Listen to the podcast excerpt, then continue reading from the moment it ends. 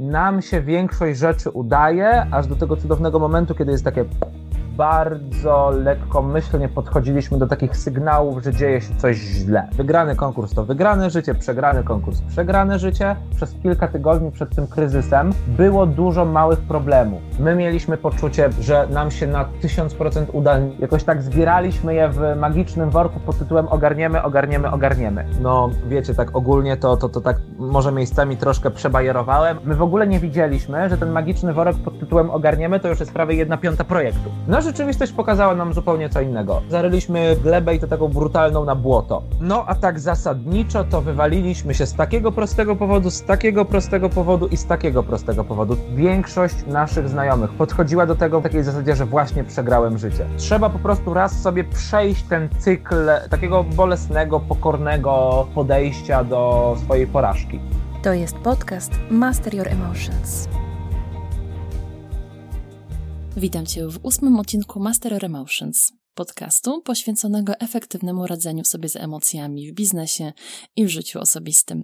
Ja nazywam się Magda i rozmawiam o inteligencji emocjonalnej z zaproszonymi gośćmi, ekspertami, specjalistami i praktykami, którzy dzielą się z nami konkretną i sprawdzoną wiedzą, jak skutecznie pracować nad emocjami, aby zbudować silną markę osobistą. Ogromnie cieszę się, że mogę powitać Was w kolejnym epizodzie podcastu Master Emotions. Minęło sporo czasu, odkąd słyszeliśmy się w siódmym odcinku poświęconym grywalizacji życia osobistego. Tak to już chyba jest, że raz na jakiś czas każdy z nas doświadcza pewnego rodzaju przesilenia wywołanego natłokiem nieprzewidzianych wydarzeń. Pewne sprawy biegną szybciej niż się tego spodziewamy i czasem przerwa jest jedynym słusznym wyborem. W dzisiejszym odcinku gościmy osobę stojącą za projektem, który powinien znaleźć się jako obowiązkowy przedmiot w każdej szkole życia. Mowa o Tygodniu Porażki, inicjatywie, która pomaga zamienić słowo porażka na słowo doświadczenie, która uczy, jak przekuwać porażki w wartościowe lekcje, która pozwala spojrzeć na porażkę jak na drogę do sukcesu. Naszym gościem jest Arkadiusz Klej, koordynator tygodnia porażki, który opowie nam, dlaczego warto ponosić porażki, jak konstruktywnie analizować nasze porażki i jak sprawić, aby stały się naszymi najlepszymi drogowskazami. Zachęcam do tego, aby śledzić podcast Master Your Emotions na Facebooku, Instagramie, Spotify, iTunes i YouTube, a także aby zapisać się do newslettera, dzięki czemu możecie być na bieżąco ze wszystkimi aktualnościami oraz nowymi odcinkami. Zapraszam do wysłuchania rozmowy. Arek, bardzo serdecznie witam Cię w podcaście Master of Emotions. To dla mnie ogromna przyjemność móc dzisiaj z Tobą porozmawiać o wspaniałym projekcie, którego byłeś koordynatorem, czyli o Tygodniu Porażki.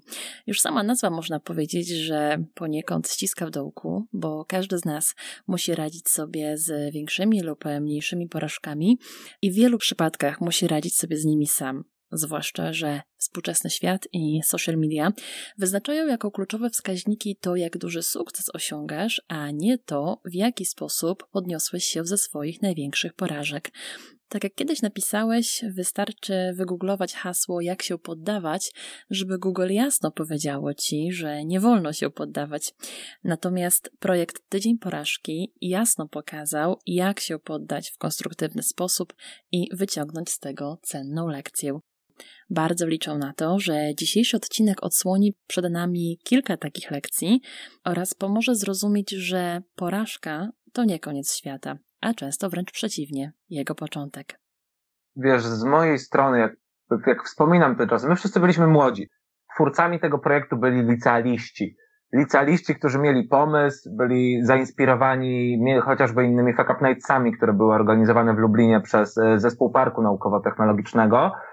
I to było takie dość mocne źródło inspiracji, dlatego że nam się naprawdę fajnie słuchało, jak komuś się nie udało. To miało taki zabawny wymiar, to miało taki wymiar rozrywki intelektualnej, ale też z pewną refleksją, z taką refleksją na to, że kurczę, nam się większość rzeczy udaje, aż do tego cudownego momentu, kiedy jest takie i, i zaczyna się ta pierwsza porażka.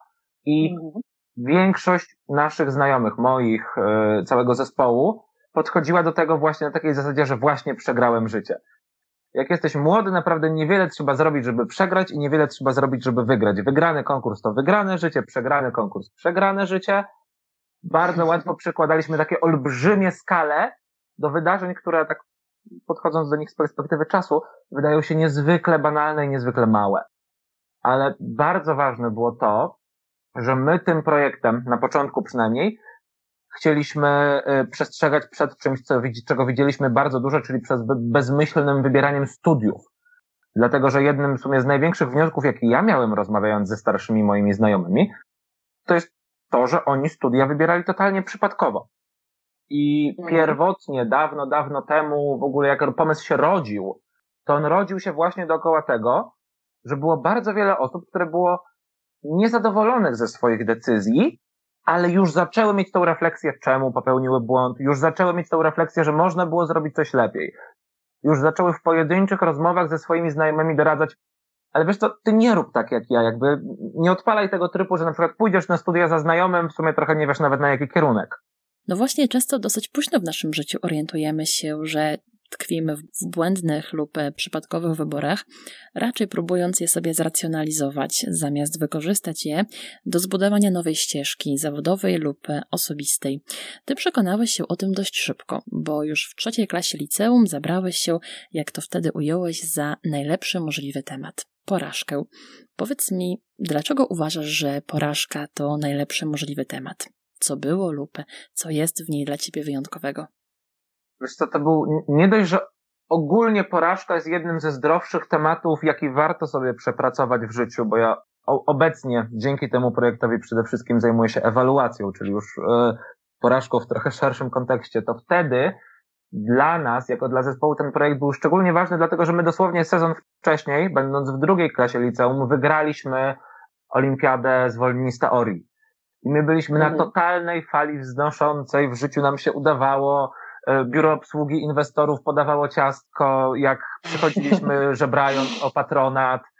I to były proste, małe sprawy, ale my mieliśmy poczucie totalnej fali wznoszącej i my mieliśmy wrażenie wtedy, jeszcze będąc młodymi i głupimi, trzeba stwierdzić, że to jest właśnie jakaś forma wygranej, że nam się coś udało. E, bardzo działaliśmy na takim zewnętrznym potwierdzeniu tego, czy coś jest sukcesem, czy porażką dla nas, jako dla zespołu, to był idealny moment na projekt o porażce, dlatego że my właśnie byliśmy po sukcesie.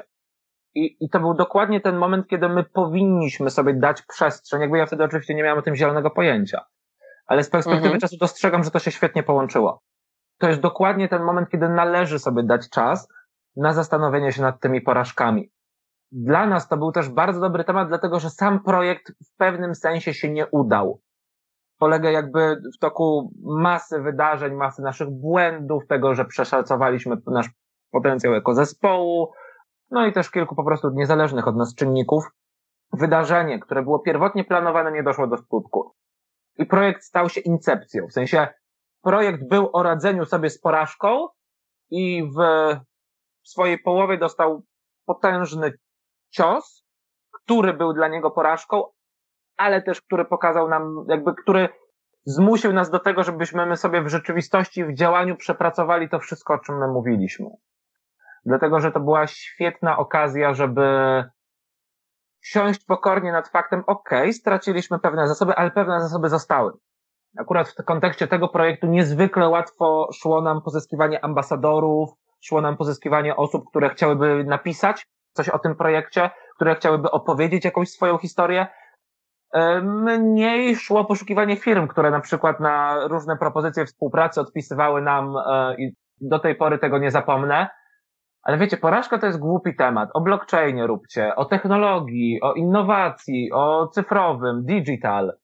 A porażka, hmm, porażka nie jest takim dobrym tematem, tak? O, jakby jedna z firm technologicznych powiedziała, że pomysł jest super, ale my nie chcemy być partnerem konferencji o porażce. Rzeczywiście, porażka do tej pory była traktowana poniekąd jak temat tabu. Ludzie chcą wiedzieć, jak osiągnąć sukces w życiu, a nie jak konstruktywnie przeżywać porażkę. Tak naprawdę nikt nie chce przeżywać porażek. Nikt nie chce publicznie pokazywać swojej słabości czy swoich niedoskonałości. Mm, co Twoim zdaniem blokuje ludzi przed spojrzeniem na porażkę w taki sposób, w jaki Ty to zrobiłeś? Wiesz co, ja tak patrząc stricte z doświadczenia tego projektu i nie wchodząc w psychologię, która ma dookoła tego bardzo dużo teorii, jednak w toku życia wykonujemy, mam nadzieję, prawie wszyscy, taki krok, że na początku jednak bardziej słuchamy, będąc młodymi ludźmi, szczególnie zewnętrznych ocen, e, ocen takich systemowych, typu ocena na świadectwie, typu wygrany lub przegrany konkurs, typu zdobyta lub niezdobyta nagroda. No i z czasem gdzieś tam powoli, powoli dochodzimy do tego, że, że w sumie bardziej nas obchodzi nasza własna ocena, bo nasze działania mają być spójne z naszymi wartościami, a nie z wartościami osób, które nas oceniają. Jeśli oceniają nas autorytety, to one mogą być dla nas pewnym wyznacznikiem, mogą być dla nas kompasem, one nam podpowiadają, trochę pomagają czasem zrozumieć nasze własne wartości. Ale kiedy weźmiemy taką młodą osobę, to mhm. Naszymi takimi zwykłymi porażkami były matury, a potem bezsensowne studia. I jakby mhm.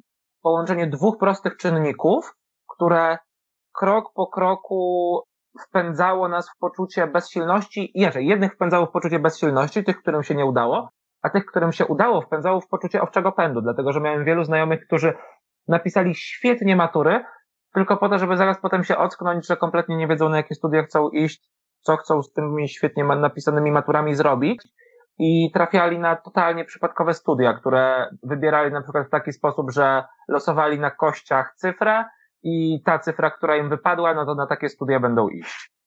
Czy tym właśnie różnił się tydzień porażki od eventu Fuck Up Nights, że w tygodniu porażki brały udział młode osoby? Czy może były też inne rzeczy, które odróżniały te dwa wydarzenia? Tutaj y, różnic było dużo. Po pierwsze, jakby nie ma wątpliwości co do tego, że my totalnie inspirowaliśmy się Fuck Nightsem organizowanym przez zespół Lubelskiego Parku Naukowo-Technologicznego, bo to był dla nas świetny benchmark.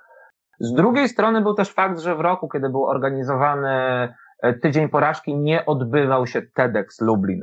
I formuła, do której my dążyliśmy, była właśnie pomiędzy Tygodniem Porażki a TEDxem, w tym pierwotnym założeniu. Było też takie założenie, że my jednak jesteśmy skierowani do młodszej grupy docelowej, do tej takiej e, grupy docelowej, której, która ma trochę inne problemy, trochę inne sprawy są dla niej aktualne w docelowej formie projektu, kiedy przestaliśmy być już wydarzeniem i staliśmy się po prostu kampanią społeczną, nadal byliśmy totalnie skierowani do młodych, ale byliśmy już bardzo daleko od tych założeń e, Fuck Up żeby wystawić tylko kilka osób na świecznik. My wtedy przyjęliśmy zupełnie inne podejście. My zaprosiliśmy, no akurat na grupkach na Facebooku, gdzie byli autorzy, na kilku z nich zamieściliśmy informacje o tym, jaką akcję robimy, czemu ona jest dla nas ważna, i jak można się do niej przyłączyć, żeby to jest dość prosta sprawa, po prostu w tym tygodniu opublikować jakiś mały, prosty artykuł o tym, co wam się nie udało, czego się z tego nauczyliście i pokazać innym, w celu tego, żeby pokazać innym, jak konstruktywnie podejść do tych swoich porażek. To miało być po prostu mała ilość fajnych, prostych inspiracji, która gdzieś tam w wielkich umysłach naszych 17-letnich miała się rozlewać po internecie, i z perspektywy czasu my byliśmy z tego bardzo zadowoleni, bo tam według analizy hashtagów Brand24 to my dotarliśmy chyba do ponad 200 tysięcy osób z tym tematem. Rewelacja. Jak młodzi ludzie zareagowali na tego typu inicjatywę? Czy potrzebowali właśnie takiego bodźca, takiej motywacji, żeby przełamać milczenie w tym temacie i otwarcie rozmawiać o tym, co im w życiu nie wyszło? Jakby wiem, że ludzie, którzy byli dookoła nas, bardzo dużo z tego projektu wynieśli, nasi ambasadorzy, oni w szczególności, tam jakby wiem, że były świetne historie w sumie moich przyjaciół, znajomych, którzy dzięki temu projektowi na przykład stwierdzili, że nie pójdą bezsensownie na studia, dali sobie gapier po to, żeby się zastanowić, co robią i teraz na przykład skończyli na e, łódzkiej filmówce, albo dziewczyny, która zawsze zajmowała się teatrologią i kochała teatrologię, ale rodzice jej powiedzieli, że po tych studiach nie ma, nie ma żadnej pracy, więc poszło na coś bezsensownego i działania dookoła tego projektu były dla niej okazją, żeby stwierdzić, no nie, w sumie jakby moja ocena tego, co jest dla mnie wartościowym, jest, jest, jest ważniejsza niż ocena jakby innych osób. Wiem, że ten projekt dla bardzo wielu osób był okazją po prostu do refleksji. Szczególnie dla autorów, to tego jestem pewien. Mam też taką nadzieję oczywiście, że, że dla wielu czytelników też był bardzo dobrą okazją. My byliśmy zadowoleni z tego, jak o nas pisano i jak z nami pisano, bo też dużo osób pisało do nas na privie, na, fej, na, na fanpage'u. I to też były bardzo fajne rozmowy właśnie o tym, jakie mają pomysły, albo jakich pomysłów nie mają, jakie problemy mają całkiem często. I to nie takie problemy głębokie i tragiczne, tylko takie naprawdę zwykłe i przyziemne problemy. Nie wiem, gdzie szukać jakichś informacji, nie wiem, co mogę zrobić w takiej sytuacji. I coś, czym kiedyś zajmowałyby się relacje, po prostu międzyludzkie relacje. Ten projekt też tak z perspektywy czasu widzę, pokazywał jedną rzecz, że to już był moment, kiedy takie bardzo zdalne i cyfrowe życie powoli degradowało taką tkankę społeczną ludzi, którzy ze sobą rozmawiają. Dlatego, że tak naprawdę większość tych małych problemów, które by się, które nas spotykały, o których my czytaliśmy, które my, które my popełnialiśmy, tych małych błędów, nie powstałaby, gdyby ludzie ogólnie ze sobą rozmawiali trochę częściej. Faktycznie jedno z drugim bardzo mocno się wiąże, bo to właśnie rozmowa o swoich błędach stała się punktem wyjściowym do stworzenia tygodnia porażki. Czy ta rozmowa odpowiedziała bardziej na potrzeby młodych ludzi, którzy znajdowali się przed podjęciem jakiejś ważnej decyzji życiowej, czy te same problemy lub te same kwestie znalazłyby zastosowanie dla osób, które mm, być może obejrzały się zbyt późno w życiu, przegapiły jakiś kluczowy moment i znajdują się teraz w niewłaściwym miejscu, mm, dla osób, które chciałyby zawrócić lub pójść w zupełnie innym kierunku? Wiesz co, tutaj zdarzają się we mnie w tym momencie dwie myśli. Z jednej strony pewna wiara w to, że tak, że może odpowiedzieć, a z drugiej strony pokora wobec rzeczywistości, że jeśli wejdzie się kilkanaście lat, kilka lat w coś, to, to nie polega na wyskoczeniu w to idealne miejsce, to polega na przejściu tam. I ten proces nie zawsze jest przyjemny, często nawet nie jest. I na tak postawione pytanie chyba ja jako koordynator projektu, który, który wiem, że mogłem zrobić lepiej, ha, będąc kilka lat starszy, mogliśmy zrobić więcej, żeby tak było. Na pewno to była inspiracja, na pewno to było pokazanie, że się da, niezależnie od wieku, dlatego że były tam osoby, które e, miały już dzieci i pisały o tym, że w sumie to mają zamiar pójść na studia pomimo tego, że, że wydaje się, że jak już w późniejszym wieku zajmujemy się byciem rodzicem, to to studiowanie nie jest taką, takim oczywistym wyborem. Była tam dziewczyna z Tajwanu, która pisała o problemach kobiet w społeczności e, startupowej i o tym, jak w startupach patrzeć na porażki i ona opisywała swoje historie e, w języku dla mnie niezrozumiałym. Więc to też mhm. był taki fajny międzynarodowy wymiar tego projektu. Bardzo się cieszyłem z tego, że dużo osób miało tą refleksję, mógłbym coś zrobić. Ale wiesz, ta refleksja może być na kilku poziomach. Ona może być na takim bardzo mikropoziomie, typu dzisiaj mogłem coś zrobić lepiej, i ona może być na takim makropoziomie. W moim życiu coś mogłoby wyglądać inaczej. No i mhm. wydaje mi się, że jednak na tym wyższym poziomie to takie wydarzenie jak tydzień porażki jest niewystarczające. Do tego jednak służą już całe całe instytucje, do tego służy przebranżowienie, do tego służy lifelong learning. Mamy w społeczeństwie narzędzia, takim skrótem intelektualnym to złapię, które do tego służą. I z perspektywy czasu, dosłownie jakby myślałem o tym kilka miesięcy temu, rzeczywiście my mogliśmy e, więcej wskazywać, bo teraz, gdy ja się zajmuję ewaluacją, bo w sumie z projektu Tygodnia Porażki zostało we mnie to, że nadal zajmuję się głównie ewaluacją, czyli już nie tylko porażką, ale też z faktem, co można lepiej zrobić w całej, mm -hmm. całej rzeczywistości, to naj, takim krytycznym problemem, o który najczęściej się potykam, jest to, że wartości deklarowane nie spinają się z wartościami wynikającymi z działań. Czyli jeśli poprosimy kogoś napisz swoje wartości, to wyjdzie jedno, a potem jeśli go poprosimy opisz swój y, tydzień, no to wyjdą zupełnie inne priorytety. Wiesz, takie proste elementy rzeczywistości to akurat trochę serwis design i projektowanie dla siebie w momencie, jeśli możesz się pobawić narzędziami, które pozwalają ci zastanowić się nad swoją codziennością i zderzać ją z twoimi wartościami. Bo gdzieś tam założenie jest takie, że jesteśmy w stanie jako ludzie, przynajmniej tak mi się wydaje, mieć w swojej głowie kilka sprzecznych myśli jednocześnie i, i jakoś nam to nie przeszkadza. Raz twierdzimy jedno, raz twierdzimy drugie. Ale zawsze musi nastąpić, miejmy nadzieję, ten krytyczny moment, kiedy musisz wybrać, co jest ważniejsze, musisz zdecydować, co jest priorytetem. I wtedy jedno staje się ważniejsze od drugiego. I dopóki nie zmusimy kogoś do takiego spriorytetyzowania tych wartości, no to najprawdopodobniej on będzie myślał trzy, cztery rzeczy jednocześnie i będzie z tym mu komfortowo. W jednej sytuacji powie jedno, w drugiej sytuacji powie drugie, a przed lustrem patrząc powie jeszcze trzecie i stwierdzi, a dobra, jest jak jest. No tak, czasem z pewnymi sprawami łatwiej przejść do porządku dziennego i przyjąć, że tak po prostu jest, niż kwestionować je.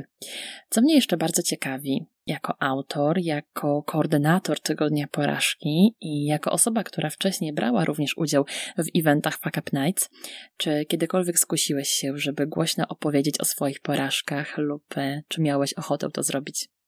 Ja Fuck Up Nights y, zrobiłem na organizowanych um, inspiracjach po lubelsku. To była taka seria fajnych, małych wydarzeń, troszkę związanych z Toastmasters. I oni tam e, zapraszali różnych mówców z małymi, ciekawymi tematami. No i ja właśnie zostałem wywołany do tablicy z małym, ciekawym tematem e, tego, jak nam się nie udał tydzień porażki.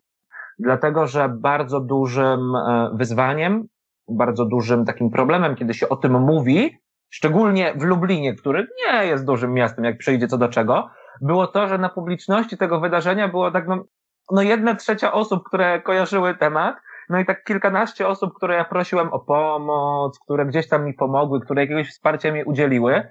I opowiadanie z perspektywy czasu o swoich błędach, o swoich grzechach, o tym, jak, jak bardzo się przepakowało w wielu miejscach, jest świetnym doświadczeniem, ale też trochę takim zmuszającym do pokory, dlatego że ja, ja do tej pory pamiętam, że na przykład e, w tygodniu porażki jednym z powodów, dla których event się nie odbył, była moja nadmierna złotoustość. Ja za dobrze sprzedawałem, jakby za dobrze to opisywałem, za dobrze to sprzedawałem, na zbyt pewny siebie byłem, gdzieś tam totalnie na fali wznoszącej po poprzednim udanym projekcie.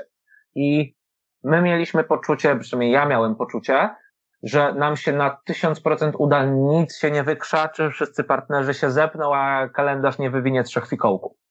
No rzeczywistość pokazała nam zupełnie co innego. Powiedziałeś, że zostałeś wywołany na scenę, aby opowiedzieć o jednej ze swoich porażek. Jakie emocje ci wtedy towarzyszyły? Czy ciężko ci było przełamać blokadę przed tym, żeby stanąć przed większym gronem osób i opowiedzieć o tym, co ci się nie udało? Nie, w ogóle. To, to było dokładnie odwrotnie. Ale to wynika właśnie z tego, jaki był temat tygodnia porażki. Jakby cała magia tego projektu, to co on totalnie zmienił w naszym jako zespołu mindsetie, czy tam podejściu, nazwijmy to po polsku, to jest właśnie to, że my robiąc tydzień porażki, my robiliśmy w trakcie ewaluację. E, ja post factum zrobiłem olbrzymią mapę myśli na chyba 6 albo 7 kart A3, co ja zrobiłem źle, co mi się nie udało, co bym następnym razem zrobił lepiej. Ja podchodziłem do tego jak do olbrzymiego źródła wiedzy, w ogóle nie patrząc na to, że zaryliśmy kilka razy glebę i to taką brutalną na błoto.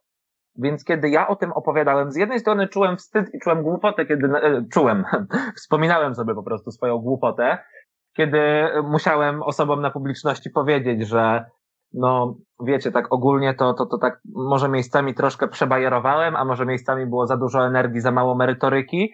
Szczególnie, że na tej publiczności były osoby, które mi pomagały, więc to było szczególnie po prostu komiczne, kiedy ja im mówiłem, no a tak zasadniczo to wywaliliśmy się z takiego prostego powodu, z takiego prostego powodu i z takiego prostego powodu. Tu nie dopilnowaliśmy pisma, tutaj trochę nie ogarnęliśmy z partnerem, a tutaj w ogóle się daty nie spięły, chociaż, part, chociaż udało nam się pozyskać pieniądze.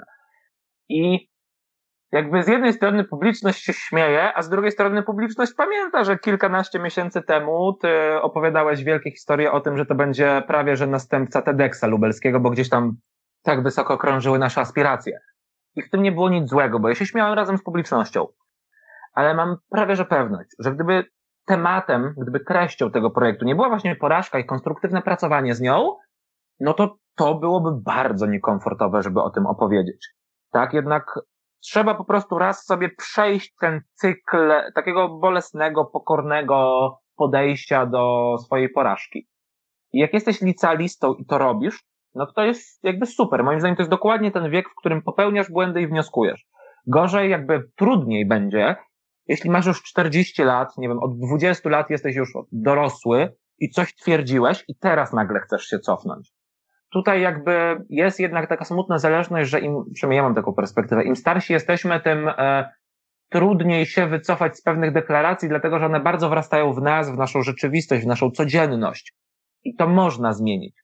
Ale do tego jest potrzebne duże wsparcie, do tego jest potrzebne otoczenie. Jeśli w ogóle patrzymy na jakieś nawyki i chcecie je zmienić, to może warto poprosić kogoś w swoim otoczeniu o pomoc. Słuchając tego, co powiedziałeś, przyszła mi do głowy taka refleksja, że być może łatwiej jest mówić o porażkach, które wydarzyły nam się w sferze zawodowej, niż o porażkach, które wydarzyły się w naszym życiu osobistym. Czy myślisz, że byłoby ci tak samo łatwo wyjść na scenę i opowiedzieć o tym, co ci się nie udało w życiu prywatnym?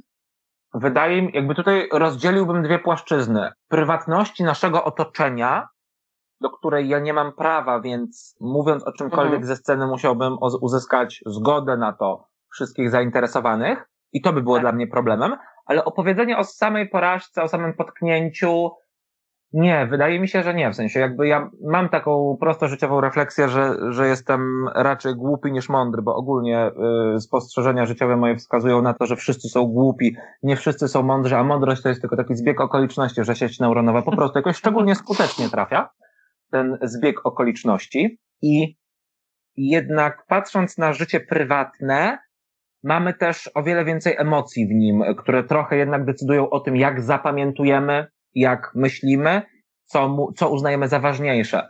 Ja niedawno kupiłem mojej mamie rower y, i tak jak kiedyś moja mama uczyła mnie jeździć na rowerze, tak teraz ja uczyłem moją mamę zmieniać biegi, dlatego że moja mama miała cudowny rower jeszcze mojego dziadka, świetny, przetrwał wszystko ale też był starszy ode mnie. Więc ostatnio właśnie z okazji pandemii, tego, że byłem w domu, stwierdziłem, że kupię jej rower, ale już taki z przerzutkami, no bo lata lecą, wiadomo, y, na lżejszych przerzutkach się lżej jeździ, ale mhm. okazało się, że zarówno coś takiego jak e, hamulce mm, normalne, a nie w piaście i przerzutki są dla mojej mamy kompletną nowością. Więc ja przez kilkanaście dni, dzień w dzień robiłem sobie z moją mamą małe, krótkie wycieczki rowerowe, tylko po to, żeby nauczyć ją jeździć na rowerze dokładnie tak, jak pewnie dwie, jakieś 20 parę lat temu, ona mnie uczyła w ogóle, jak jeździć na rowerze. I hmm. kiedy spojrzę na to z perspektywy czasu, no to stwierdzam naprawdę banalną rzecz. Kupiłem wiele głupich rzeczy y, do tego, do tegorocznych wakacji. Chciałbym ten rower mamie kupić wcześniej. Chciałbym mieć więcej czasu na to, żeby sobie z nią pojeździć na tym rowerze. Tak, to są, to są takie banały, ale ale mam wrażenie, że stają się coraz ważniejsze, szczególnie kiedy tempo życia jest duże i na przykład tygodniowo czy tam miesięcznie więcej dni spędzasz w pociągu niż poza nim, no to wtedy taką możliwość po prostu pojechania sobie rowerem za miasto na godzinkę, na pół godzinki, pogadania, jak tam było dzisiaj, zaczyna się cenić o wiele bardziej. I niektórych to dopada z powodów tragicznych, dlatego że rodzic umrze, dlatego że stanie, że nastąpi jakaś choroba, dzieje się coś bardzo smutnego, ale mam nadzieję, że jak najwięcej osób dopadnie to właśnie z takiego powodu, że albo u kogoś to usłyszą, albo że sami dojdą do tej refleksji, że w sumie mając do wyboru czas na, nie wiem, zagranie w Lola albo zagranie statą w szachy, no to ja wolę zagrać statą w szachy. Bardzo cenna refleksja i wierzę głęboko, że wielu z nas z niej skorzysta. Niektórzy z nas po doświadczeniu porażki wolą narzekać. Mogłem zrobić inaczej, mogłem podjąć inną decyzję, mogłem tego uniknąć. Zamiast właśnie na przykład kupić mamie rower i pojechać z nią na spacer, albo usiąść z tatą przy stole i zagrać z nim w szachy. Mm, w jaki sposób dokonujesz konstruktywnej analizy tego, co nie zadziałało w Twoim życiu i w jaki sposób przekładasz je na konkretne działania? Jest coś, co ja w wielkim skrócie myślowym nazywam zestawem spirali nawyku. I to jest taki konstrukt intelektualny. Działa mniej więcej następująco. Każdy nawyk ciągnie cię albo w górę, albo w dół. Ale one też mają jakąś sumę. I kiedy te nawyki wspierają się nawzajem właśnie w takiej refleksji, nie wiem, to, że raz, nie wiem, prowadzisz dziennik, raz w tygodniu dasz sobie czas na to, żeby się zastanowić, co w tym tygodniu było fajnego i chciałbym, żeby było więcej, tak? To jest taka klasyczna refleksja dookoła nawyku. Co jest słabe i czym fajniejszym chciałbym to zastąpić. Jakby dla mnie nie jest wielkim problemem to, żeby w trakcie wycieczki w górach wziąć kartkę papieru, schować się pod e, kawałkiem strzechy i tam zacząć e, na szybko robić ewaluację, ok, co my możemy jeszcze teraz ogarnąć, jest godzina 20, robi się już ciemno powoli, żeby przez następne trzy dni wędrówki było zdecydowanie lepiej.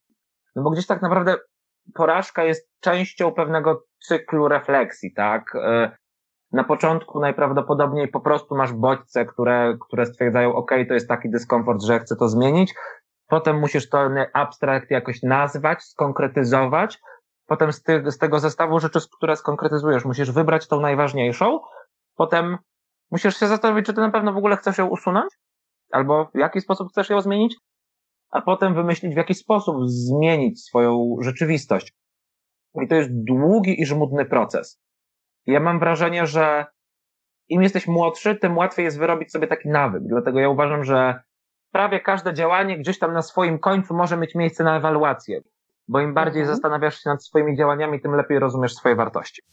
Słuchacie podcastu Master Your Emotions. To wszystko brzmi tak naturalnie i, i, wydaje się łatwe do wykonania. Niemniej jednak wielu ludzi wychodzi z założenia, że skoro raz się nie udało, no to trzeba się poddać. Mm, jak było w Twoim przypadku? Czy miałeś ochotę poddać się, gdy tydzień porażki nie udał się za pierwszym razem? Co czułeś wtedy i jak poradziłeś sobie ze swoimi emocjami? Na pewno były takie momenty, że mi się już odechciało, ale to były momenty, które trwały kilkanaście minut, kilka godzin. Ale to też jakby trzeba zauważyć, że to nie polegało na tym, że to się nie udało, bo ja nie zapominałem o tym, że byli ludzie, którzy tego chcieli, byli ludzie, którzy nas wspierali, tak? Były firmy, które pomimo tego, że jakby wywaliliśmy wydarzenie, nadal stwierdziły, że wesprą nas finansowo, bo to jest sensowny temat. I tutaj chyba w tym takim potykaniu się na tych wszystkich porażkach fajnie jest, albo ważnym jest po prostu, żeby się nie zatracić w momencie smutku i ciągle pamiętać, że na przykład jest e, pięcioosobowy zespół główny, kilkunastoosobowy zespół asystencki i dwudziestu ambasadorów, którzy chcą coś z wami zrobić. Są prelegenci, którzy na przykład pomimo tego, że wydarzenie się nie odbywa, e, zgodzili się wziąć udział w sesji ambasadorskiej, napisali bardzo fajne posty, stali się ambasadorami projektu. I, i to wszystko działa na takiej zasadzie, że jeśli pewną pracą już przyciągniesz pewien pozytywny kapitał ludzki, to naprawdę łatwo i naprawdę przyjemnie jest e, działać, nawet kiedy się nie udaje. No dlatego, że nawet gdyby nas ten projekt totalnie przygniótł, no to mam wrażenie, że po prostu byłby, byłby rozwijający dla wszystkich uczestników. A że przy okazji udało się poprowadzić jakąś tam fajną kampanię, no to ja z tego powodu jestem bardzo zadowolony. To wyobraź sobie sytuację, że takim projektem zajmujesz się sam, że nie masz dookoła siebie grupy wsparcia i odpowiedzialność za porażkę ciąży wyłącznie na Twoich barkach. Czy nie mając wokół siebie tej grupy wsparcia ani osób, które dalej wierzą w ten projekt i są gotowe Ci pomóc, czułbyś się tak samo i miałbyś taką samą motywację, aby spróbować jeszcze raz? Mm, jak poradzić sobie z porażką, gdy jest się samemu? Bardzo ważnym e, w tych porażkach jest czas. Ja na przykład mam to szczęście, że będąc w liceum byłem gruby. Ale też miałem, miałem, miałem to szczęście, że miałem totalne poczucie, że chcę to zmienić, więc sobie codziennie wieczorem biegałem. I codzienne wieczorne bieganie, które, dobra, nie było nawet bieganiem, było truchtaniem, nie wiem, 5, 6, 7, czasem 10 kilometrów, było dla mnie każdego dnia przestrzenią na zastanowienie się. I, i czuję to po moich znajomych, że ci, którzy mieli, mieli po prostu trochę przestrzeni na zastanowienie się, dochodzili do takich refleksji, przepracowywali sobie pewne tematy, nie tylko się zastanawiali, ale też wyciągali wnioski. I to było super. Ale mam wrażenie, że takim w ogóle pierwszym krokiem do takiej refleksji, która nas gdzieś doprowadzi, jest przestrzeń i też przy okazji zaakceptowanie tego, że jeśli nie miałeś refleksji przez ostatnich kilkanaście lat albo miałeś ich relatywnie mało, no to refleksje nie będą niczym przyjemnym tak, jakby jeśli ja sobie robię, nie wiem, ewaluację roczną i podsumowuję sobie, no to większość rzeczy mi się nie udała. Z kilkunastu czy tam kilkudziesięciu stypendiów, do których aplikowałem w przeciągu studiów, dostałem tylko kilka. No i z jednej strony mogę pomyśleć, nie udało mi się pewnie w trzech czwartych przypadków, ale z drugiej strony mogę pomyśleć, te kilka, które mi się udało, absolutnie wystarczy. Więc yy, no, znowu patrząc na takie zewnętrzne wskaźniki, patrząc na wewnętrzne wskaźniki, taki komfort psychiczny jest e, nie dość, że trudny do wywalczenia, bo musimy go sobie trochę wywalczyć od innych, żeby osoby dookoła nas znały taką granicę, do której one powinny nam pomagać, a po której one już nam narzucają, co w przypadku osób młodych jest sprawą właśnie negocjowaną. To też jest takim po prostu ważnym wymiarem młodości i z perspektywy rodzica i z perspektywy dziecka, że ten wiek licealny, początek studiów, to jest dokładnie ten moment, kiedy, kiedy ta granica, jak bardzo ja ci pomagam, a jak bardzo ja ci zostawiam przestrzeń do, do porażki i wyciągania wniosków, jest bardzo aktywnie przesuwana zwykle w dość burzliwym y, toku wydarzeń. Więc mhm. y, wielkim wyzwaniem jest tutaj po prostu to, żeby mieć tą przestrzeń na refleksję i jakbym nie miał zespołu, to byłoby bardzo źle. Ale jakbym nie miał czasu, żeby się zastanowić, co robię, to byłoby jeszcze gorzej. Y, kilka miesięcy temu gdzieś tam w artykule, w, jeśli mi pamięć mieli dla Magla, złapałem po prostu świetny cytat. E, jeśli robisz tyle rzeczy, że nie myślisz o tym, co robisz, to robisz coś źle. Niestety, my czasami, nie zawsze, ale wpadaliśmy jednak w taką pętlę, że robiliśmy i to był owczy pęd, nie rozumiejąc za bardzo co, czemu i dlaczego. Więc otoczenie super ważne. Ważne też, żeby znało granice, ale jeszcze ważniejsze jest to, żeby mieć czas na, na, na spokojne myślenie o sobie i na taką totalną akceptację, że wiele z tych myśli będzie wskazywać na to, że nie jesteś idealny. No bo po prostu nie jesteś, ale to jest okej. Okay. Bardzo ważne przesłanie do zanotowania. A skoro mowa o notowaniu, to czy w trakcie tygodnia porażki zanotowałeś lub czy utkwiły ci w pamięci jakieś porażki, które wydały ci się najbardziej wartościowe z punktu widzenia twojego rozwoju? to powiem wszystkie trzy o sobie, ale nie przez jakiś szczególny egoizm, tylko przez prywatność wszystkich innych osób, bo te porażki miały różny charakter. Taką moją, chyba największą porażką w kontekście haha, tygodnia porażki było to, że bardzo dużo osób mi zaufało. W sensie, jakby poczułem na sobie wielką odpowiedzialność za zaufanie, które zostało na mnie położone przez dość dużą ekipę ale ja trochę źle interpretowałem to zaufanie, bo ja, mi się wydawało, że za tym zaufaniem idzie wymaganie nieomylności, że za tym zaufaniem idzie to, że każda moja decyzja ma być idealna, a jak coś się wywaliło, to ja mam to zawsze uratować. To było totalnie błędne przekonanie. To było też za, jakby dopiero później to poczułem, jak już się trochę wywaliło. Pamiętam świetny moment, jak ja w trakcie sesji zdjęciowej, zwinięty pod kocem, po prostu leżąc e, w centrum spotkania kultur, zgonowałem praktycznie, bo to chyba był trzeci albo czwarty dzień bez, na takim totalnym zarżnięciu. I do tej pory pamiętam ten moment, bo to był moment, kiedy ja naprawdę poczułem, że, że to jest absolutnie okej, okay, że dużo rzeczy mi się nie udało. Że dużo rzeczy było błędne. To było absolutnie okej, okay, że ktoś mi powiedział, dobra Arek, ty już nie musisz ogarniać, żeby, żeby nie łapać stu srok za ogon jednocześnie, no chociaż nawet jesteś w stanie, bo to ci po prostu zarżnie. Więc takim pierwszym krytycznym błędem była błędna interpretacja tego, co to znaczy, że ktoś mi zaufał. Czego ja powinienem od siebie wymagać w związku z odpowiedzialnością, jaka została mi powierzona. Bo za tą odpowiedzialnością totalnie nie szło oczekiwanie nieomylności. A ja jakoś błędnie rozumiałem, że powinienem wszystko dociągnąć, wszystko dowieść, wszystko ma się udać, a jak coś się nie udaje, to mam tak długo czarować, aż się uda. No nie, nie musiałem jednak. Drugim wielkim błędem było to, że przeceniliśmy seksowność tematu, albo błędnie ją zinterpretowaliśmy. Tam zdecydowanie mogliśmy my jako zespół zrobić mniej, spokojniej, trzy, cztery razy się cofnąć i nie stawiać jakby jakby krok do tyłu też tam był dostępny, to po pierwsze. Po drugie, advisory board, nie, ja to, chyba w tygodniu porażki to się jeszcze po polsku nazywało albo doradcy, albo e, zespół starszych osób, które ogarniał, który, który mi wtedy pomagał i właśnie był dla mnie takimi osobami, do których ja pisałem i dzwoniłem, żeby mi wytłumaczyły różne sprawy, no bo w sumie nie miałem zielonego pojęcia, jak zorganizować wydarzenie na 300 osób. To wszystko były zasoby, z których my powinniśmy po prostu bardziej korzystać więcej pytań zadawać, mniej i rzadziej powinno nam się wydawać, że wiemy, co robimy. To była jakaś taka porażka, zarówno moja, jak i całego zespołu tak naprawdę. No i trzecią taką kluczową, wydaje się, porażką było to, że my bardzo lekkomyślnie podchodziliśmy do takich sygnałów, że dzieje się coś źle.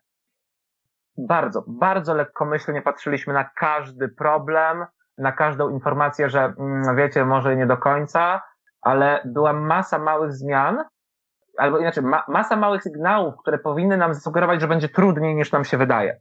A my na to, my na to nie braliśmy poprawki. Bardzo długo byliśmy na takim potężnym wietrze wznoszącym. Jak się skończył, to rąbnęliśmy w ziemię po prostu. Mózg jest wredny i, i czasem może nie zapamiętywać codzienności. Nawet zwykle tak robi. E, ogólnie, z, jeśli dobrze rozumiem, jak działa pamięć, to bardzo często zapamiętujemy najbardziej niecodzienne elementy codzienności. Takim nawet mechanizmem po prostu, który działa na naszą niekorzyść w takich przypadkach jest to, że jeśli nie spisujemy sobie w żaden sposób problemów, nie robimy żadnej formy ewaluacji, nie, nie zbieramy tego, to my nawet nie zauważymy, że codziennie, co kilka dni występuje kolejny mały problem, który jest do ogarnięcia. Oczywiście dzieje się 40 dobrych rzeczy jednocześnie, ale, ale gdybyśmy my zlistowali, zresztą ja to, ja, ja to zrobiłem po, już w wakacje, po wszystkim, i zauważyłem, że rzeczywiście przez kilka tygodni przed tym kryzysem było dużo małych problemów, tak? I, i my jakoś tak zbieraliśmy je w magicznym worku pod tytułem ogarniemy, ogarniemy, ogarniemy. My w ogóle nie widzieliśmy, że ten magiczny worek pod tytułem ogarniemy to już jest prawie jedna piąta projektu. Więc jak to zobaczyliśmy, to zobaczyliśmy to już nie dlatego, że nam się wiatr jakby osłabił, tylko dlatego, że już rąbnęliśmy o posadzkę. To był efekt takiej kuli śnieżnej, czyli mały problem przerodził się nagle w duży problem, prawda? To akurat był efekt raczej worka e, kulek śnieżnych, e, na którym my bardzo długo nie zwracaliśmy uwagi, bo ciągle nam się wydawało, że to tylko jedna kulka śnieżna. Jasne. Spodobało mi się też porównanie, że liść od życia jest jedynym stuprocentowym testem naszych granic. Czy znasz ludzi, których jedna porażka powaliła do końca życia? Dlaczego Twoim zdaniem niektórzy ludzie nie podnoszą się z porażek i pozwalają, by jedna porażka przekreśliła resztę ich życia? Znam tych historii dużo, ale to wszystko są tragiczne historie. W sensie z jednej strony z literatury, a z drugiej strony z rzeczywistości. Ja mam wrażenie, że mówienie jedna porażka powala to jest trochę błąd optyki. To działa tak, że jedna porażka dobija, a w otoczeniu nie ma już nic, co podniesie. Jeśli mamy w życiu choć kilka pozytywnych rzeczy, które nas ciągną, to możemy się ich po prostu chwytać jak brzytwy czasem. Dla niektórych to będzie rodzina, dla niektórych to będzie praca, dla niektórych to będzie, nie wiem, popadanie w skrótem myślowym obżarstwo, ale gdzieś tam człowiek sobie znajdzie jakiekolwiek źródło, które nie pozwoli mu tak totalnie stracić e, kontaktu z poczuciem sprawczości. Bo to, wydaje mi się, jest bardzo związane z taką szczerą wiarą, że ja mam pewną decyzyjność w moim życiu. No i poczucie jakby, a i tutaj na przykład oczywiście wiąże się to z zdolnością rozróżnienia, na które rzeczy ja mam wpływ, a na które nie. I taką zdolnością niedenerwowania i nieobarczania się za rzeczy, na które ja po prostu nie mam wpływu. Inflacja idzie w górę? Tak, masz na to wpływ, to są twoje decyzje. Poszedłeś na wybory i zagłosowałeś na taką i taką partię. E, nie wiem, unikasz podatków, więc są podnoszone, więc napędza się kilka konkretnych spirali. Do niedawna jeszcze twierdziliśmy, że na pogodę nie masz wpływu, teraz już mamy wątek e, zmiany klimatu i też twierdzimy, że na pogoda mamy wpływ. Ale na to, że sąsiad wywiesił pranie, albo na to, że sąsiad zrobił coś nie intencjonalnie, tylko coś po prostu nam zdenerwowało, co nam przeszkadza. Grzyby suszy w mieszkaniu obok, cokolwiek. No to naprawdę nie są, wiesz, że nie są rzeczy, o które warto się denerwować, a po drugie, warto, warto pokornie przyjmować grupę czynników, na które nie mam wpływu, one po prostu są i trzeba je uznać za element rzeczywistości. I to jest jeden wymiar. Drugim wymiarem dookoła tego wszystkiego jest to, że w tym poczuciu sprawczości, jak to napisał jakiś poeta, tylko w wolności może być cierpienie i wolna decyzja, ja to jeszcze zmienię. Ratowanie na siłę w wielu przypadkach y, może przysporzyć kolejnych problemów. I jednostka raczej, żeby wyjść z poczucia takiego braku sprawczości, ja przynajmniej po sobie patrząc, potrzebuje z jednej strony trochę przestrzeni na to, żeby pomachać rękami i nauczyć się pływać, a z drugiej strony potrzebuję tego, żeby kilka osób na mnie patrzyło i mówiło mi, czy ja w ogóle w dobrym kierunku płynę. Więc gdzieś tak na koniec dnia to zawsze jest gra zespołowa. Więc kiedy mówisz, że upadł i się nie podniósł, to dla mnie mówisz upadł, nie podniósł się. Nie miał już niczego, dlaczego warto się podnieść i nikt dookoła nie chciał włożyć pracy, żeby pomóc mu się podnieść. A gdyby tak teraz przestawić się na drugi biegun, mamy również całą masę osób, które nie poddały się, choć wydawało się niemożliwym, aby podnieść się z doznanej porażki. Spójrzmy na jeden z najbardziej klasycznych przypadków, historię Edisona, który nie poddał się pomimo blisko 10 tysięcy nieudanych prób żarówek. Skomentował to potem: Nie poniosłem porażki, po prostu odkryłem 10 tysięcy błędnych rozwiązań. Czy spotkałeś na swojej drodze ludzi, dla których porażka stała się drogą do wygranej? Wydaje mi się, że w tym kontekście, i znowu zrobię kroczek w tył, ta niemożliwość e, zawsze jest w słuchaczu. Dla mnie to jest po prostu niemożliwe, żeby przebiec maraton w górach. To nie zmienia faktu, że regularnie robi to bardzo dużo osób. I ja jako słuchacz, ja jako obserwator mam pewne swoje granice wiary w człowieka albo granice e, pojmowania danego tematu. To się zwykle łączy. I, i bardzo często jakby tymi granicami posługujemy się nie bez powodu. Posługujemy się nimi przede wszystkim dla bezpieczeństwa. Jakby one nam służą do tego, żeby powiedzieć człowiekowi, ej, mam wrażenie, że to, co, to, co tutaj planujesz jest piekielnie nieodpowiedzialne, może się bardzo źle skończyć i zrobisz krzywdę sobie i innym. Ale to jest bardzo prawdopodobne, że niektórzy będą mieli granice w zupełnie innych miejscach. Dla mnie zarządzanie czasem z dokładnością do 15 minut było absolutnie normalną rzeczą i wynikało z tego, że pracowałem zdalnie. Przechodząc już bezpośrednio do pytania, czy znam osoby, które się podniosły po rzeczach, które były totalnie, totalnie ciężkie. Wydaje mi się, że taką najładniejszą historią, ale wezmę Erasma z Rotterdamu i pochwałę głupoty.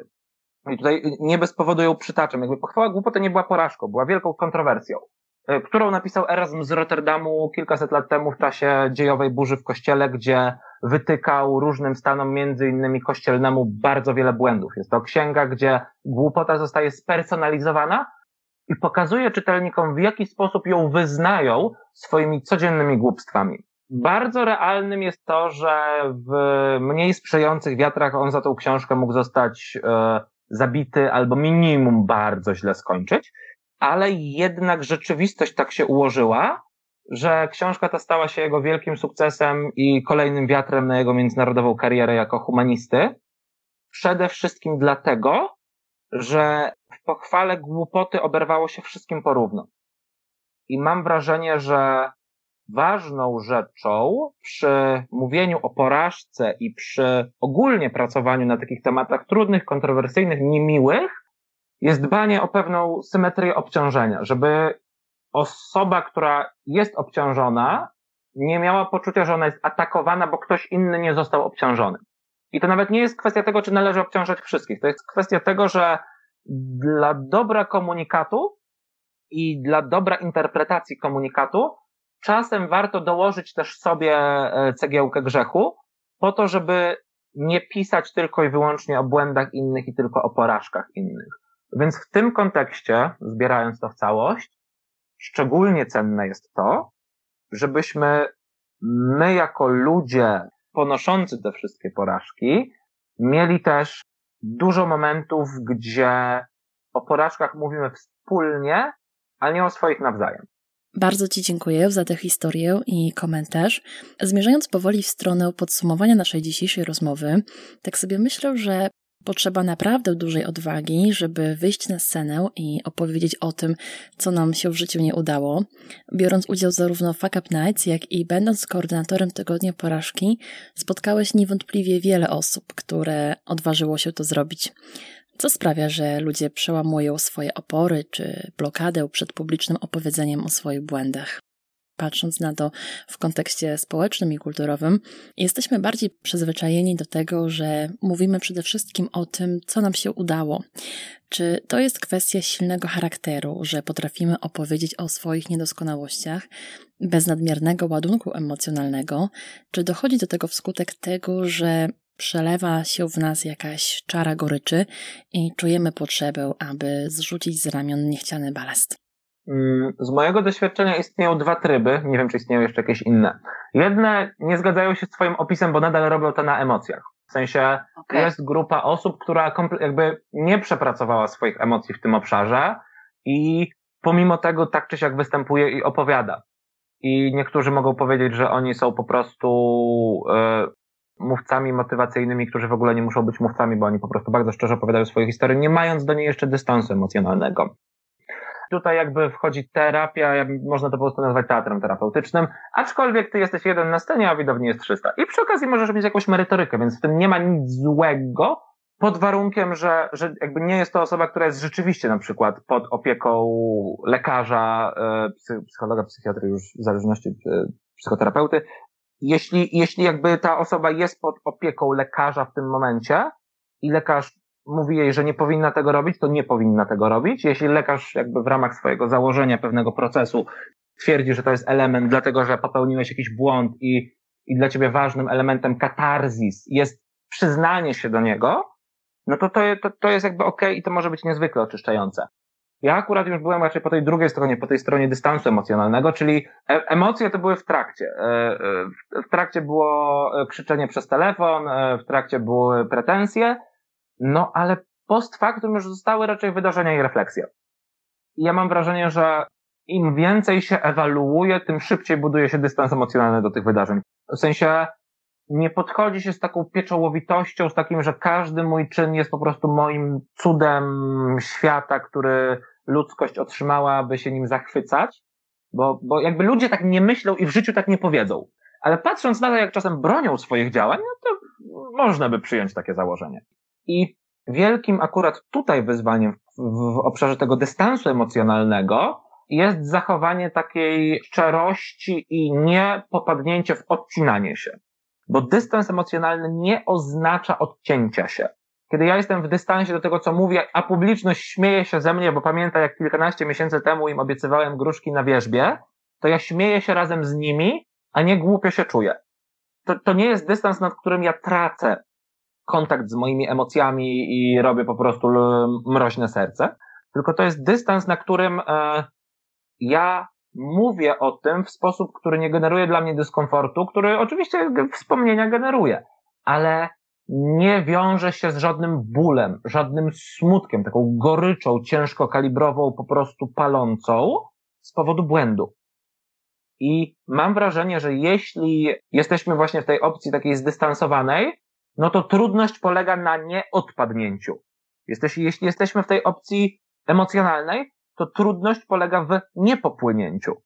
Więc e, i w jednej, i jedna i druga opcja jest ok, ale dla mnie najważniejsze jest to, żeby całość wpięła się po prostu w myśl dla słuchacza, no bo ja też trochę czasu spędziłem w teatrze, jednak piekielnie ważne dla mnie jest to, żeby na koniec ten odbiorca został przeprowadzony przez pewną historię, przez pewną refleksję i tak jak to opowiadanie, storytelling pięknie nazywany, daje nam okazję do tego, żeby się trochę zempatyzować, tak wszystkie tego typu wystąpienia o porażce można przecież podłożyć pod normalną szablon tragedii antycznej i stwierdzić brak informacji, błędna decyzja, tragiczna konsekwencja. Składniki są, w uproszczeniu oczywiście, niezwykle stałe. One jakby składają się mniej więcej zawsze tak samo. Albo był błąd, albo czegoś nie wiedzieliśmy, podejmowaliśmy decyzje na podstawie niesłusznych założeń, pra w prawie było coś głupiego, trzeba było taką decyzję podjąć, mieliśmy tragedię i mieliśmy na końcu refleksję, że następnym razem zrobimy inaczej. I stąd właśnie ten bardzo ładny cytat, tylko w wolności może być cierpienie i wolna decyzja, ja to jeszcze zmienię. Bo tylko kiedy zostawiamy sobie i słuchaczowi wolność w ocenie i wolność w wyborze, to dajemy mu inspirację, przyzwolenie, motywację i prawo do tego, żeby to on podejmował słuszne decyzje na podstawie wszystkich swoich wniosków życiowych, a nie tylko naszych opowieści. Zdecydowanie trafna uwaga. Chciałabym na koniec porozmawiać jeszcze o rezultacie, jaki przyniósł tydzień porażki, Powiedziałeś, że nawet jeżeli 10% osób przestanie popełniać te same błędy, które popełniły tysiące, jeśli nie miliony osób przed nimi, to ten mały krok jest bardzo ważnym krokiem w bardzo dobrą stronę. Czy udało Wam się w jakikolwiek sposób zmierzyć, jakie było realne oddziaływanie tygodnia porażki na postawy młodych ludzi? Czy otrzymaliście dużo informacji zwrotnych od osób, które brały udział w projekcie? W przypadku tego projektu znam e, Znam te historie, które przeczytałem od autorów, którzy popełnili jakieś wpisy na swoich blogach. Wiem, że dla nich to było wartościowe. Znam dużo właśnie tych takich prywatnych historii ludzi gdzieś tam bliżej mnie, którzy właśnie na przykład podjęli decyzję, żeby olać studia albo zebrali się do tego, żeby super merytorycznie pogadać z rodzicami o tym, że to ten profil klasy, który im został wciśnięty, ich kompletnie nie obchodzi. Mam też dość dużą wiarę, że jest trochę historii, których nigdy nie poznałem i do których my się tylko w małym stopniu przyczyniliśmy. Mam wrażenie, że daliśmy trochę fajnych myśli i mam wiarę w to, i to jest tylko i wyłącznie wiara, że, że te myśli w wielu miejscach przysłużyły się ku lepszym wnioskom po prostu. No i ja sam też bez wielkiego zaskoczenia oczywiście jestem niezwykle zadowolony z tego powodu, że przez rok zamiast siedzieć w liceum i przygotowywać się do matury jak normalny, odpowiedzialny człowiek, naparzałem projekty społeczne i inne akcje od rana do wieczora. Rzeczywiście, najważniejsze jest to poczucie sprawczości i tego, że to, co robimy, ma sens. Taką finalną konkluzją, którą chciałabym przywołać, jest zdanie: Ucząc się na własnym doświadczeniu i ponosząc konsekwencje, zapamiętujemy to na całe życie. Co zrobić, aby zapamiętać lekcje, a nie emocje, które towarzyszyły porażce? Użyłeś dzisiaj pojęcia dystans emocjonalny. Jak go wypracować, aby porażka stała się cennym doświadczeniem? Wiesz co, ja tak ze swojego podwórka mam wrażenie, że ogólnie, jakby bardziej chyba, jeśli dobrze rozumiem, zapamiętujemy emocje. I jest to dość uzasadnione, w sensie jakby w ogóle nie walczyłbym z tym, żeby zapamiętywać emocje, e, dlatego że to, że zapamiętujemy emocje, jest bardzo zdrową dźwignią do tego, że na przykład wiemy, że nie chcemy ponownie znaleźć się w sytuacji, która wygeneruje te emocje. Więc kiedy staramy się zapamiętywać lekcje, to możemy przyjąć taką perspektywę intelektualną, że my uczymy się nie pakować się w sytuacje, które generują negatywne emocje. Więc jeśli chcemy jak najwięcej tych lekcji zapamiętywać, no to ja bez wielkiego odkrycia powiem, zapraszam do robienia ewaluacji, spisywania wniosków, podsumowywania albo zastanowienia się nad czymś trochę głębiej na kilka stron A4. I wydaje mi się, że w zapamiętywaniu lekcji są potrzebne minimum trzy rzeczy. Po pierwsze, pokora wobec faktu, że twój mózg nie zapamiętuje za bardzo. Zdolność zapamiętywania w czasach obecnych to raczej leci na łeb na szyję. Więc wnioski może warto sobie spisać. To jest pierwszy wymiar. Drugi wymiar jest taki, że Twoje wnioski prawie na pewno są bardzo ułomne. Warto o tych wnioskach z kimś pogadać. Żeby on Ci dał informację zwrotną, podzielił się swoim doświadczeniem, swoimi przemyśleniami, bo przegadanie dowolnej ewaluacji z jedną osobą podnosi ją z automatu na kolejny poziom. No, pod warunkiem oczywiście, że ta osoba jest w jakiś sposób spina się z tematem merytorycznym i nie wiem, nie będziemy od e, naszego kolegi, który jest inżynierem, oczekiwać, że nam pomoże w ewaluacji tego, czy dany wiersz jest e, dobrze pokrojo, do, dobrze sformatowany na stronie, czy jego zdaniem mogłoby być większe interlinie. No bo to jednak nie to. Tutaj też jednak pokornie warto wybrać osoby, które mają dużą szansę, żeby mieć podobne doświadczenie. To jest bardzo ważne. I takim trzecim wymiarem, który przydałby się do szczęścia, jest to, żeby był ktoś, kto nam wybaczy. I to brzmi trochę abstrakcyjnie, ale tym kimś albo jesteśmy my sami, bo my sobie wybaczamy, albo druga osoba, która pewnie w toku tych emocji mogła się poczuć jakoś nie okej, okay, bo taka funkcja pojednania połączona z refleksją i połączona z pewną rozmową tworzy nam taki dość spójny proces wyciągania zdrowych wniosków. Tak, jakby ja do tej pory uważam, że spowiedź w kościele katolickim jest świetnie zaprojektowaną usługą, w tym sensie, że to jest naprawdę mądry ciąg działań. Zastanowienie się, czy zrobiłeś coś złego, zastanowienie się, czy komuś mogło być przez to niemiło, pogadanie z kimś o tym i zadośćuczynienie. Mam wrażenie, że patrząc na tą naprawdę logiczną i trafną kolejność, to jeśli chcemy zapamiętywać lekcje, a mniej emocje, które towarzyszą porażce, to przede wszystkim dużo przestrzeni na refleksję, refleksje niesamodzielne, tylko w kontakcie z kimś może i dodatkowo przejście pewnego procesu, który kończy się wnioskiem, zadośćuczynieniem, poprawą, E, nie zawsze da się poprawić. Ja na przykład robiąc tydzień porażki bardzo skopałem relację z jednym z partnerów, który zgodził się nam dać pieniądze pomimo, pomimo tego, że nam się nie udało. Ja po dwóch latach napisałem do niego list z przeprosinami, którym wytłumaczyłem krok po kroku, dlaczego wszystko się nie udało i zakończyłem go taką myślą i mam prośbę, żeby z tego powodu nie stracił pan wiary w kolejnych młodych, szalonych ludzi, którzy będą chcieli zrobić coś dobrego. I nawet po dwóch latach, jak się coś spieprzyło, można wysłać list z przeprosinami. Niedużymi, prostymi. Ale żeby domknąć pewne tematy, to też jest chyba bardzo ważna sprawa, że niedomknięte tematy bolą bardziej. Przynajmniej tak jest moje doświadczenie. Arek, pięknie Ci dziękuję za rozmowę o wspaniałej lekcji pokory, wobec której każdy z nas musi stanąć. To, co wynoszę z tego dla siebie, to przede wszystkim złotą zasadę, aby słowo porażka zamienić na słowo doświadczenie. Doświadczenie, które powinno nas wzmacniać, poszerzać perspektywę, sprawiać, że dojrzewamy do podejmowania coraz większych wyzwań. Gdybyś miał pokrótce podsumować to, o czym dzisiaj rozmawialiśmy, co rekomendujesz osobom, które do tej pory traktowały porażkę jako przesłankę do tego, aby zrezygnować z dalszych wysiłków, natomiast chciałyby nauczyć się podnosić się z każdego upadku i stawać się silniejszymi. Zasadniczo to jesteście dokładnie w tym miejscu, gdzie jest każdy człowiek, który zaczyna, więc jesteście już w bardzo dobrym miejscu.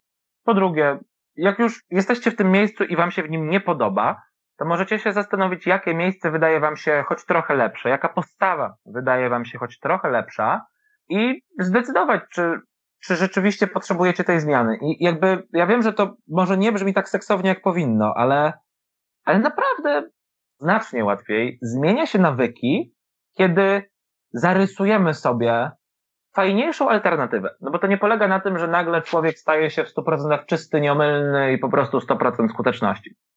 Totalnie nie. Krok po kroku, tydzień po tygodniu, sprawa po sprawie, wszyscy staramy się być coraz bardziej ogarnięci, coraz spokojniejsi, popełniać coraz mniej błędów. No i czasem może dla kogoś refleksja, ok, ja już się na tym poprawiłem, teraz po prostu spróbuję tego nie popsuć, też jest potrzebna.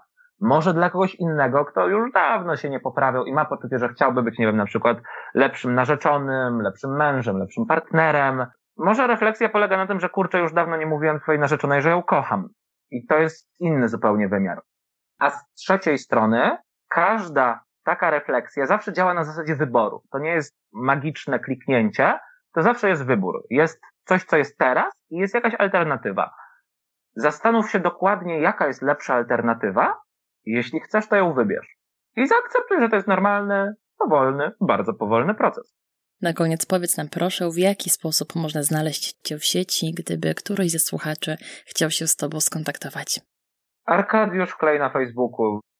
Bardzo, bardzo dziękuję Ci za dzisiejszy odcinek i trzymam kciuki za kolejne projekty.